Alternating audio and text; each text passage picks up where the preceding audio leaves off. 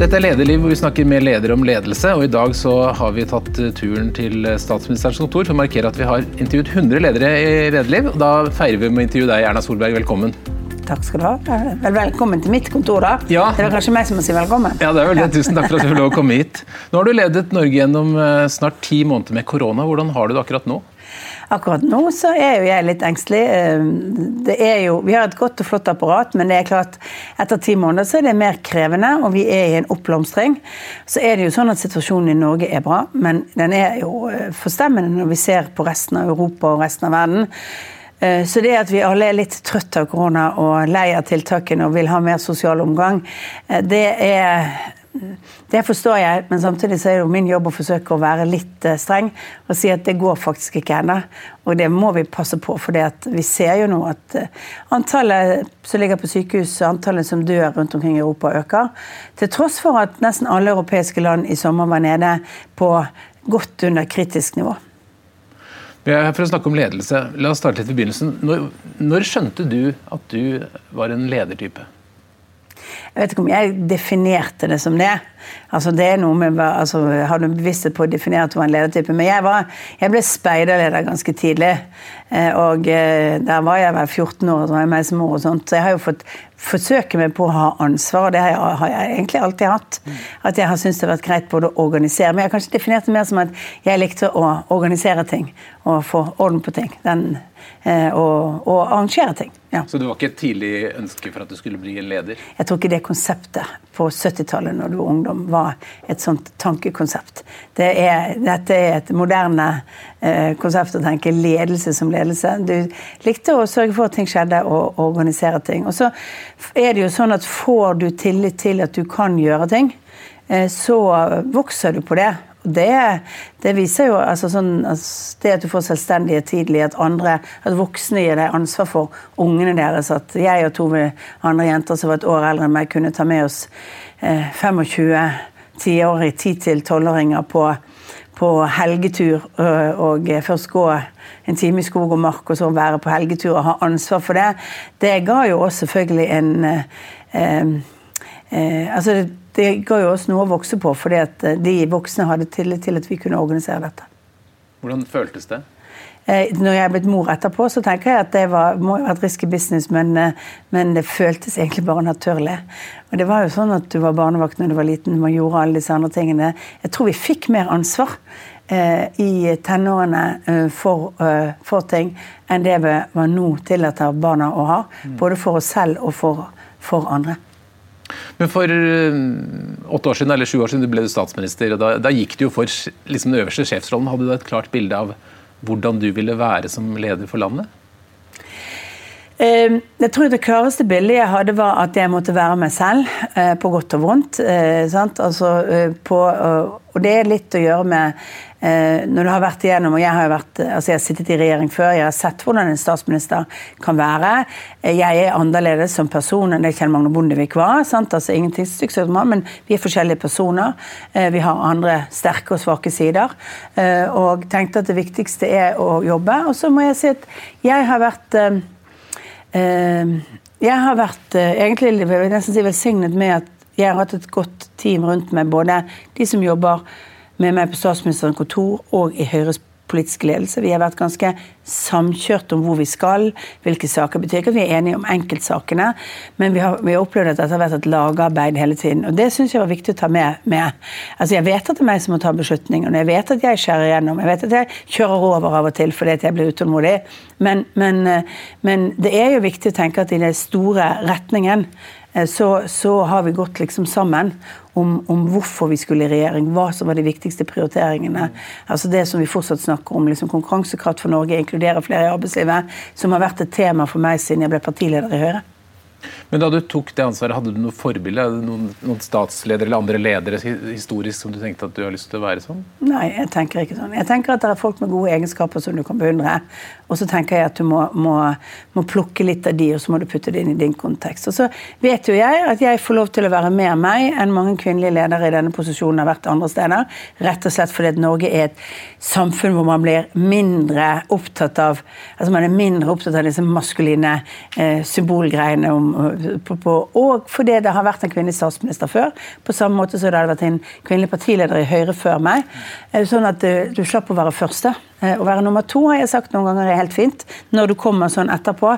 For da har noen andre breddet ut. Og man kan akseptere at man er både gjør mer tullete ting. Jeg gjør det fordi jeg liker å ha det gøy på jobben og syns det er fint å få kjøre noen store maskiner i Forsvaret og forsøke sånne ting som er annerledes. Og eh, eh tenker at det tåler det norske folk, og det syns faktisk ganske mange er morsomt også.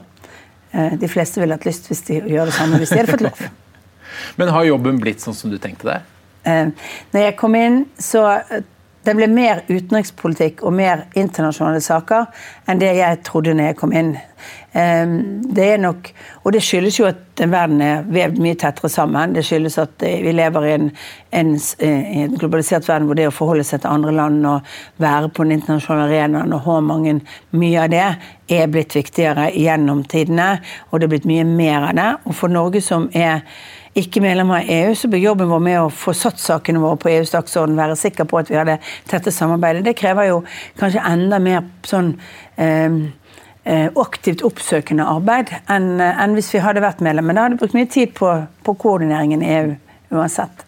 Så, så, det er nok litt mer av det eh, enn det jeg trodde. Ellers så visste jeg jo mye om hvordan det var, altså hvordan statsministerens arbeid var etter å ha sittet fire år i en regjering tidligere. Ehm, det man kanskje kan bli forbauset over, og det som er den største forandringen så lenge jeg har vært politiker, det er jo at mediebildet har endret seg så mye. Ehm, tempoet i politikken har endret seg. Jeg pleier av og til å si at det begynner med skriftlige spørsmål om morgenen, og så er det riksrett om kvelden. Altså fordi at man girer sånn opp i den politiske debatten. Og det kortslutter ofte de prosessene og tankeprosessene som en egentlig trenger. Ehm, og det blir posisjoneringsarbeid for å synliggjøres i media, eh, som blir veldig mye viktigere. Så det, dynamikken i politikken er blitt veldig annerledes enn den var før. Og det, det gjør jo også kre mer krevende å være forvalteren av den embetstradisjonen vi har i Norge, med utredninger, at du skal ha høringer, prosesser. Du tar ikke stilling før du har hørt det. Det går jo kanskje to til tre år fra du starter en sak til den saken ender opp med en sak som skal gå til Stortinget. Sant? Altså vi har jo en, Det er forskjellen på tempoet, og det, det har forandret seg mye. Mm. Men det at du hele tiden eh, i, midt i stormen, alle ser på deg, de tolker deg, de skal prøve å finne feil, angripe deg. Hva, hva gjør det med deg? Hvordan føles det? Altså, Jeg har lært meg å ha et litt avslappet forhold til det. Eh, jeg pleier, pleier, å fortelle Jeg hadde en engelsklærer på, på første året mitt på videregående skole som han, han, hørte meg hver eneste time. Det var en liten episode på begynnelsen som gjorde at han da hadde jeg funnet ut at han skulle høre meg hver eneste time. og Satt karakter hver eneste gang. Han var veldig gammeldags lærer. Og etter en stund så ble du der mer avslappet. Mens de som bare ble hørt liksom hver tredje måned, eller bare måtte presentere og bare fikk kanskje fem karakterer, altså karakteren, standpunktkarakteren din ble fastsatt på. Jeg som liksom hadde tre sider i hans sånn karakterboksetting, jeg fikk et mer avslappet forhold til det, og det får du også etter hvert. Eh, du blir veldig anstrengt i begynnelsen. Du blir mer opptatt av uh, Følger jeg opp de forventningene? sant? Uh, hvordan folk skal være. Og så opplever du jo også at folk responderer jo på deg som person og på måten du er på, på og, og at du ikke trenger å anstrenge deg. Og Det var nok litt av min lærdomstid som leder i Høyre. at I begynnelsen var det mange som mente der hadde Høyre litt vanskeligere tider.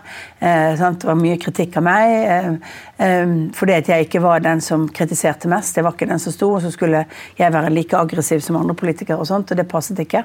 Eh, og det, det du opplever, det, det gjennomskuer folk òg. Det norske folk er ganske kloke. Men du har jo da en enorm Det er mange saker, mange skal ha tak i deg, alle drar i det, vil ha litt av tiden din. Hvordan prioriterer du? Um, heldigvis så har vi jo et team her som jobber med det. altså sånn, ikke, altså Alle disse ulike med hva er viktigst og sånn. Og så er det klart, uh, vi har et sett med politiske saker som vi syns er viktig å prioritere og være synlig på. Være, uh, sørge for at vi liksom har oppmerksomheten vår på. Uh, og det betyr jo at det er en prioritering. Så må du jo prioritere det som er Du må alltid prioritere det som er kriser, konflikter, vanskelige saker som kommer din vei. Sant? Det blir alltid førsteprioritet. Covid-19 blir vår førsteprioritet for øyeblikket. Både helsemessig, men også økonomiske situasjonen. Sant? Det blir nødvendigvis den.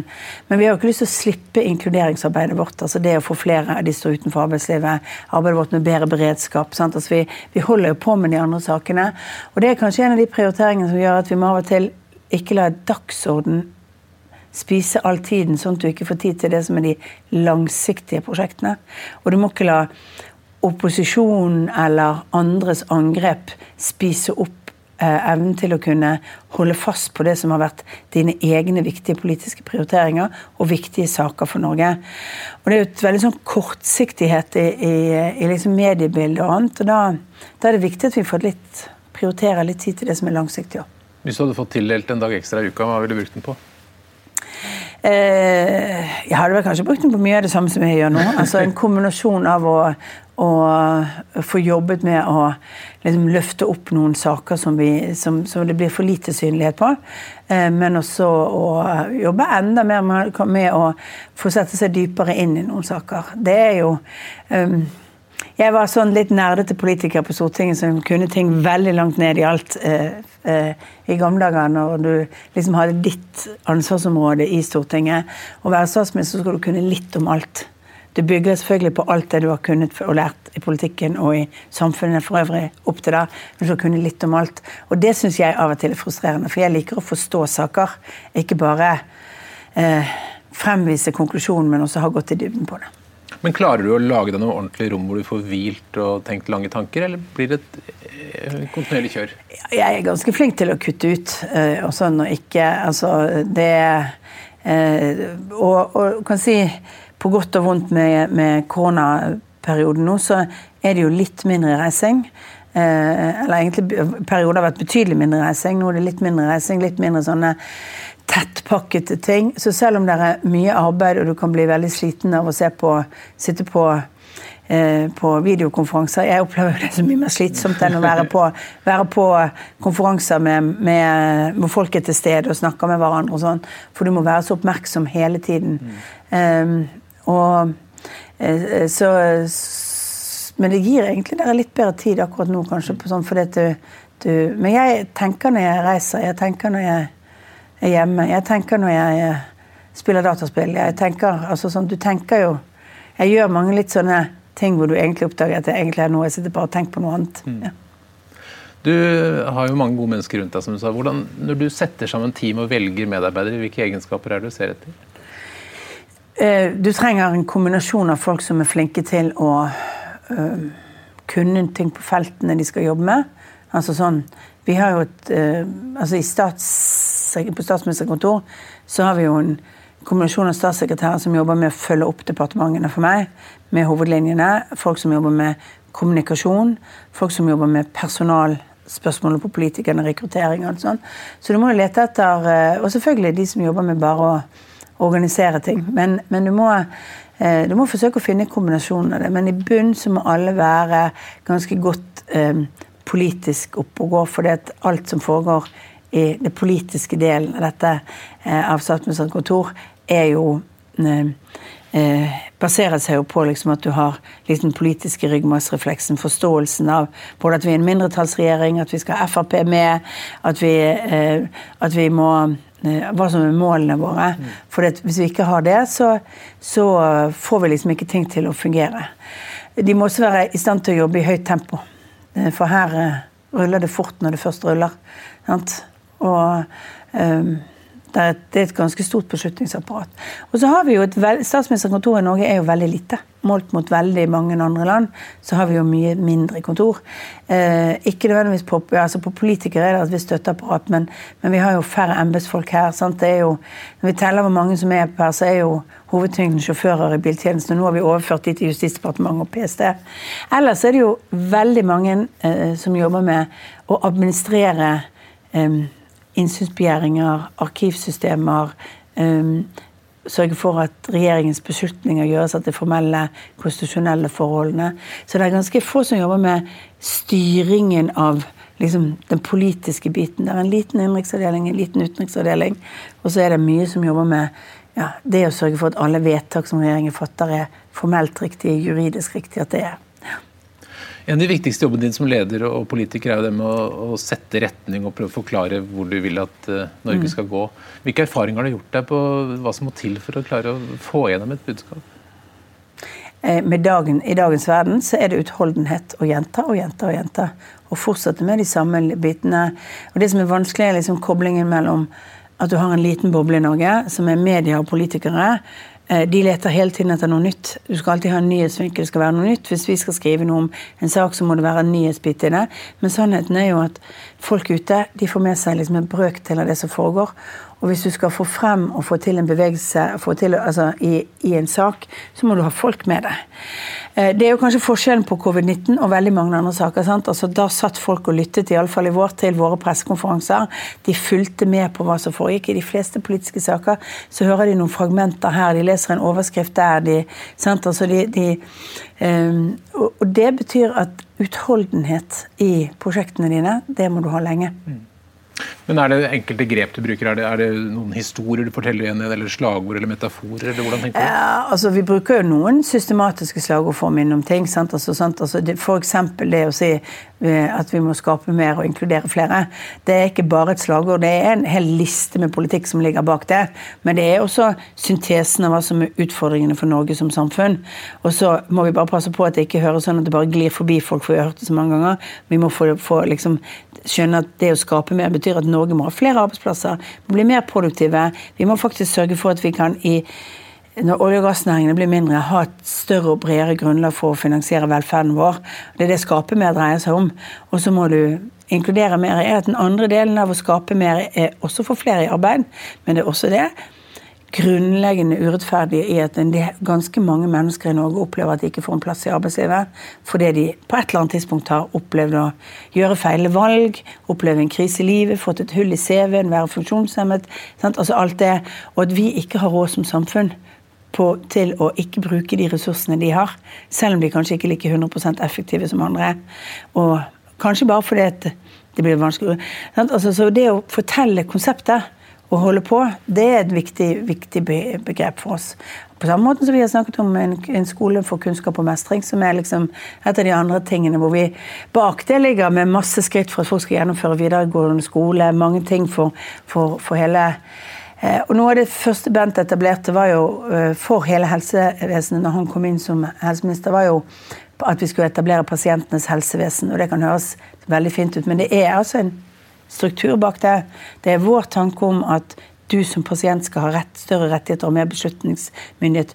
Helsevesenet må organisere seg mindre i boksene mellom seg, men mer rundt den enkelte pasient. Og da får du alt fra at dette preger noe forsknings på helsefeltet, hvor eh, brukermedvirkning er blitt mye større. Faktisk en radikal økning i hvordan man bruker pasientorganisasjoner og andre på å være med på å prioritere hvordan forskning skal gjøres og hva som er viktigst. Vi gjør det innenfor eh, alle disse pakkeforløpene. Så vi forsøker å tenke hva er liksom ideen på toppen, og så systemet nedover. For det er Vår utfordring som politikere er at vi ofte hører, vi, vi kommuniserer ofte virkemidlene våre. Men, mens det som er ideen og tanken og retningen for det, Virkemidlene kan vise seg å ikke funke. Det kan være et annet virkemiddel, men, men retningen, hvor du vil med samfunnet, eh, det er jo det som er viktig. Men dette er krevende og vanskelig, og eh, vi eh, Og jeg merker jo at, at det er ofte litt eh, altså Vi i den politiske sfæren vi blir trett av hverandres slagord og hverandres tanker mye før folk har oppdaget at vi har dem. Men når, andre, når du har et stort resonnement, så kommer det folk og plukker ut én bit og hakker løs på det, blir du irritert? Jeg er litt, eh, men jeg er blitt veldig flink til å skjule det. Og samtidig så er det Det er bare å passe meg for at jeg ikke blir overbærende når jeg skjuler det. Men det er, men, men det er klart eh, det vi ser i en global verden nå, er jo at vi trenger jo ikke mer polariserende politikk. Altså, Vi trenger ikke at man leter etter bisetningene. Sant? Man må snakke om substansen overfor folk. Uh, hvis ikke blir man jo veldig trett av og lei av politikere. Vi er jo heldigvis i en situasjon nå hvor, hvor tilliten til politikere, tilliten til Stortinget, til regjeringen, er mye høyere enn den til tider har vært. Um, og jeg tror jo at vi lever i en verden hvor folk forventer at politikk blir forklart. Men formatet gjennom media er at det er mye mindre mulighet til å forklare politikk, hvorfor vi skal dit. Fordi man er så opptatt av å arrestere, drive revolverintervjuer eller, eller eh, bryte av. Eller henge seg opp i små detaljer. Så vår utfordring er at når store ting altså ting, Alt henger sammen med alt, sa Gro, og det er riktig. Eh, kompliserte sammenhenger gjør det vanskelig å forholde seg til politikk. Eh, derfor leter jo alle partier etter sånne eh, ja- og nei-spørsmål. Er du for eller imot? Kjøkken, det som du kan snakke over kjøkkenbordet om. Eh, men det blir også en forflatning av politikken hvis alt skal kunne måles og kunne gjøres på to-tre år. Inkludering i arbeidslivet få ned uføretrygdingen i Norge, sant? sørge for at flere får bedre psykisk hjelp. Det er jo ikke et fireårsperspektiv på det. Det er et 10-20-årsperspektiv på sånne ting. Og du må tørre som politiker å ha et 10-20-årsperspektiv på politikken din. Eh, problemet er liksom at da, hvis man da ser etter et år og sier dette kan jeg ikke se resultater av, da blir man, hvis det er det som blir higen, at du alltid skal bare gjøre det du kan måle resultater på, så bruker du ressursene sannsynligvis på feil områder. Når er du mest fornøyd med deg selv? Jeg vet det, altså Jeg er fornøyd hvis jeg har gjort en god debatt. Eh, jeg er fornøyd hvis jeg ikke har latt meg tirre opp av, eh, av en journalist eller et eller annet sånt. Og så er jeg egentlig ikke så veldig opptatt av meg selv. Det som du har fått veldig mye ros for, er at du er god til å finne kompromisser. Har du, har du en teknikk, har du noen råd til ledere hvordan man skal være god til å finne kompromisser? Det viktigste på å finne kompromisser er å lytte til folk. Det er jo å lytte til hva de faktisk vil og så begynne å forsøke å tenke hvordan kan vi formulere og gjøre dette felles mellom oss. Det tror jeg bare er, er du må, lytte etter hva, du må lytte etter hva de faktisk Og så er det noen ganger du kan lytte til folk og så tenker du at de vil ikke ha et kompromiss, de vil beholde denne konflikten. Særlig i politikk så er det viktig å si at du vil beholde denne konflikten. Jeg husker at eh, eh Kai Eide, som jo var statssekretær for vår regjeringen kom litt forbauset ganske tidlig på Stortinget tilbake etter at de forsøkte å lage kompromiss mellom Høyre og Senterpartiet på noe tekst om, om EU. Så sa han ja, men dette er jo helt umulig, for diplomatiet er jo jeg vant til at uh, vi skal gå nærmere hverandre, forsøke å forhandle. Men her beveger det, når vi beveger oss den veien, så beveger de seg den veien. Altså lenger ut. Og det er fordi den konflikten vil man beholde. Og det må du også vite i politikk. At det er noen ting du ikke kan kompromisse på. Da må du forsøke å finne noe annet å bli enig om. Og så beholde den konflikten, fordi den konflikten blir så viktig for partier. Og så er det viktig å huske at du er ja, er, det ligger, kan ligge mange andre motiver bak eh, prosesser enn det, enn det som er helt åpenbart. I politikk er f.eks. å beholde egenarten eh, til å ikke ville kompromisse en viktig ting. Eh, og så er det veldig forskjell på, på på saker på det. Ja. I de endringene du ønsker å få til i Norge, hvor viktig er ledelse? Altså Ikke bare hos deg, men rundt omkring i bedrifter og organisasjoner? Jeg mener at det mest undervurderte eh, reformbiten eh, i Norge er ledelse. Særlig i offentlig sektor. Eh, vi er um, Forskjellen på et sykehjem som drives godt, med lavt sykefravær, med, eh, med, eh, med samme ressurser som et, som et, eh, et, sykehjem som kanskje drives dårlig og må ha mye mer penger enn andre sykehjemmet, skyldes jo ofte ledelse. Skyldes evnen til å lede folk, det skyldes måter å organisere seg på. Og vi er kjempedårlige på det. det. Vi hadde jo ikke noen ledelsesutdanning for helsesektor i kommunene før vi kom inn i regjering og laget det som et program som vi nå har gående på på BI for, for å ha ledelse, også for ledelse for endring, men også ledelse, utdanning innenfor helse, eh, helseleveranser i Norge.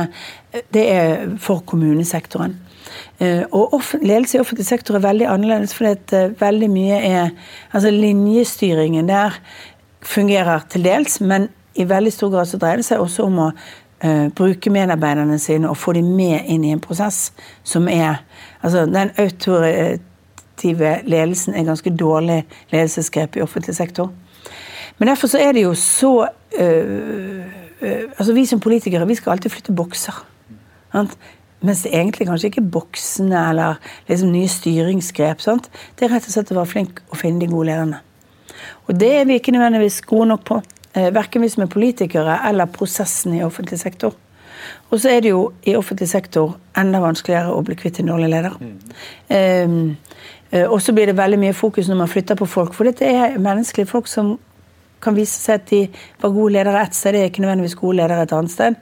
Det, det kan jo Jeg vet ikke om det er tilfeldigheter, men det har jo noe med at du kan ha et god kjemi med ett miljø, så får du ikke god kjemi med et annet miljø. Det kan være på begge sider av bordet. Men da vi, burde vi hatt lettere måter å flytte på folk. Men når vi har hatt veldig overfokus på at hvis de da skal ha med seg lønnskompensasjon eller andre ting, så blir alt mye mer komplisert. Eh, det, det er sånn i offentlig sektor. Men ledelse er eh, men det gir ingen velgere å snakke om ledelse. Det gir mye større å si at vi skal ha en reform av en sektor. og bare si, sant, altså, men altså, Ansett bedre rektorer på skolene. Sant? Da blir rektorene som er der, sure, og så blir, eh, blir eh, så er det ikke sikkert at velgerne syns at det liksom er det store grepet. Sagt det her, da. Ja. Hvis det kommer en ung person til deg og sier jeg vil bli leder, jeg vil gjerne bli en god leder, kanskje i offentlig sektor, hva er de tre beste lederrådene du gir? Eh, jeg mener med det beste rådet du har, uansett hva du er, å gjøre jobben din ordentlig der du er. Altså, Jeg er så lei av folk som tror at de skal ha tiårsplan for hvor de skal i livet, eller et eller annet sånt. Eh, da er du mer fokusert på ditt neste steg enn på der du er. Det er mitt viktigste råd til alle unge politikere. Gjør jobben der du er godt. Det andre er eh, å være lydhør for mennesker rundt deg. Fordi at jeg tror, Å tenke over hvordan andre responderer. Jeg er litt direkte. Jeg er bergenser, som jeg sier. Sant? Og jeg har jo merket at vi har kulturelle forskjeller i dette landet. Altså Østlendinger tåler jo ikke det en bergenser tåler på tilbakemelding. Ja, bare altså, sånn litt Det er forskjell på de òg. Nå er jeg veldig sånn, sånn ja, forholdsmessig, men, men, kulturen er litt ja. forskjellig. Mm. Så må være litt lydhør på liksom, hva de tåler. For du kan fort trampe uti, og jeg har trampet uti mm. i mitt liv på å si ting altfor direkte til folk. Eh, eller bruke ironi, som vi også bergensere er veldig glad i. På en måte som gjør at folk har gått tre dager og grublet på hva du har sagt. Eh, så tenk gjennom den, den, den, biten. Eh, og så tenker jeg at bruk mindre tid på konsulenter og bruk mer tid på å, å faktisk snakke med de du jobber sammen med. Det er en overdrevent coachingsystem, syns jeg. Mm. Men det er noe det er bedre å ha noen folk som er, ha noen rundt deg i en naturlig kontekst som gir deg tilbakemelding. Helt til slutt, Har du lært noe nytt om ledelse i koronatiden? Eh, jeg har lært hvor, eh, hvor, når vi er i en krise i et land og i en sånn vanskelig situasjon, eh, hvor viktig det er med tydelig budskap. Og hvor, hvor, hvor effektivt det å være åpen, ærlig og snakke om at vi ikke vet ting, er. For folk stoler mye mer på det. Skråsikre politikere Eh, er egentlig ikke i sånne situasjoner nødvendigvis det eh, folk eh, stoler mest på. For jeg tror de aller fleste, iallfall i vårt land, de er i stand til å se at her er det, her er det altfor mye vi ikke vet, men vi må følge en retning. Tusen takk for at du kom til Lederliv. Eller at vi, at vi fikk komme hit. Ja, bare hyggelig. Og tusen takk for at du gjør en så fin innsats som statsminister. Takk. Lederliv er en podkast fra kommunikasjonsbyrået Apeland. Vi legger ut nye episoder hver fredag. Redaksjonen består av Ellen Paulsen, Lars Jarle Melum, Lars Volden og meg, som heter Ole Kristian Apeland. Send e-post til tipsatlederliv.no, eller rett til meg på oleatapeland.no.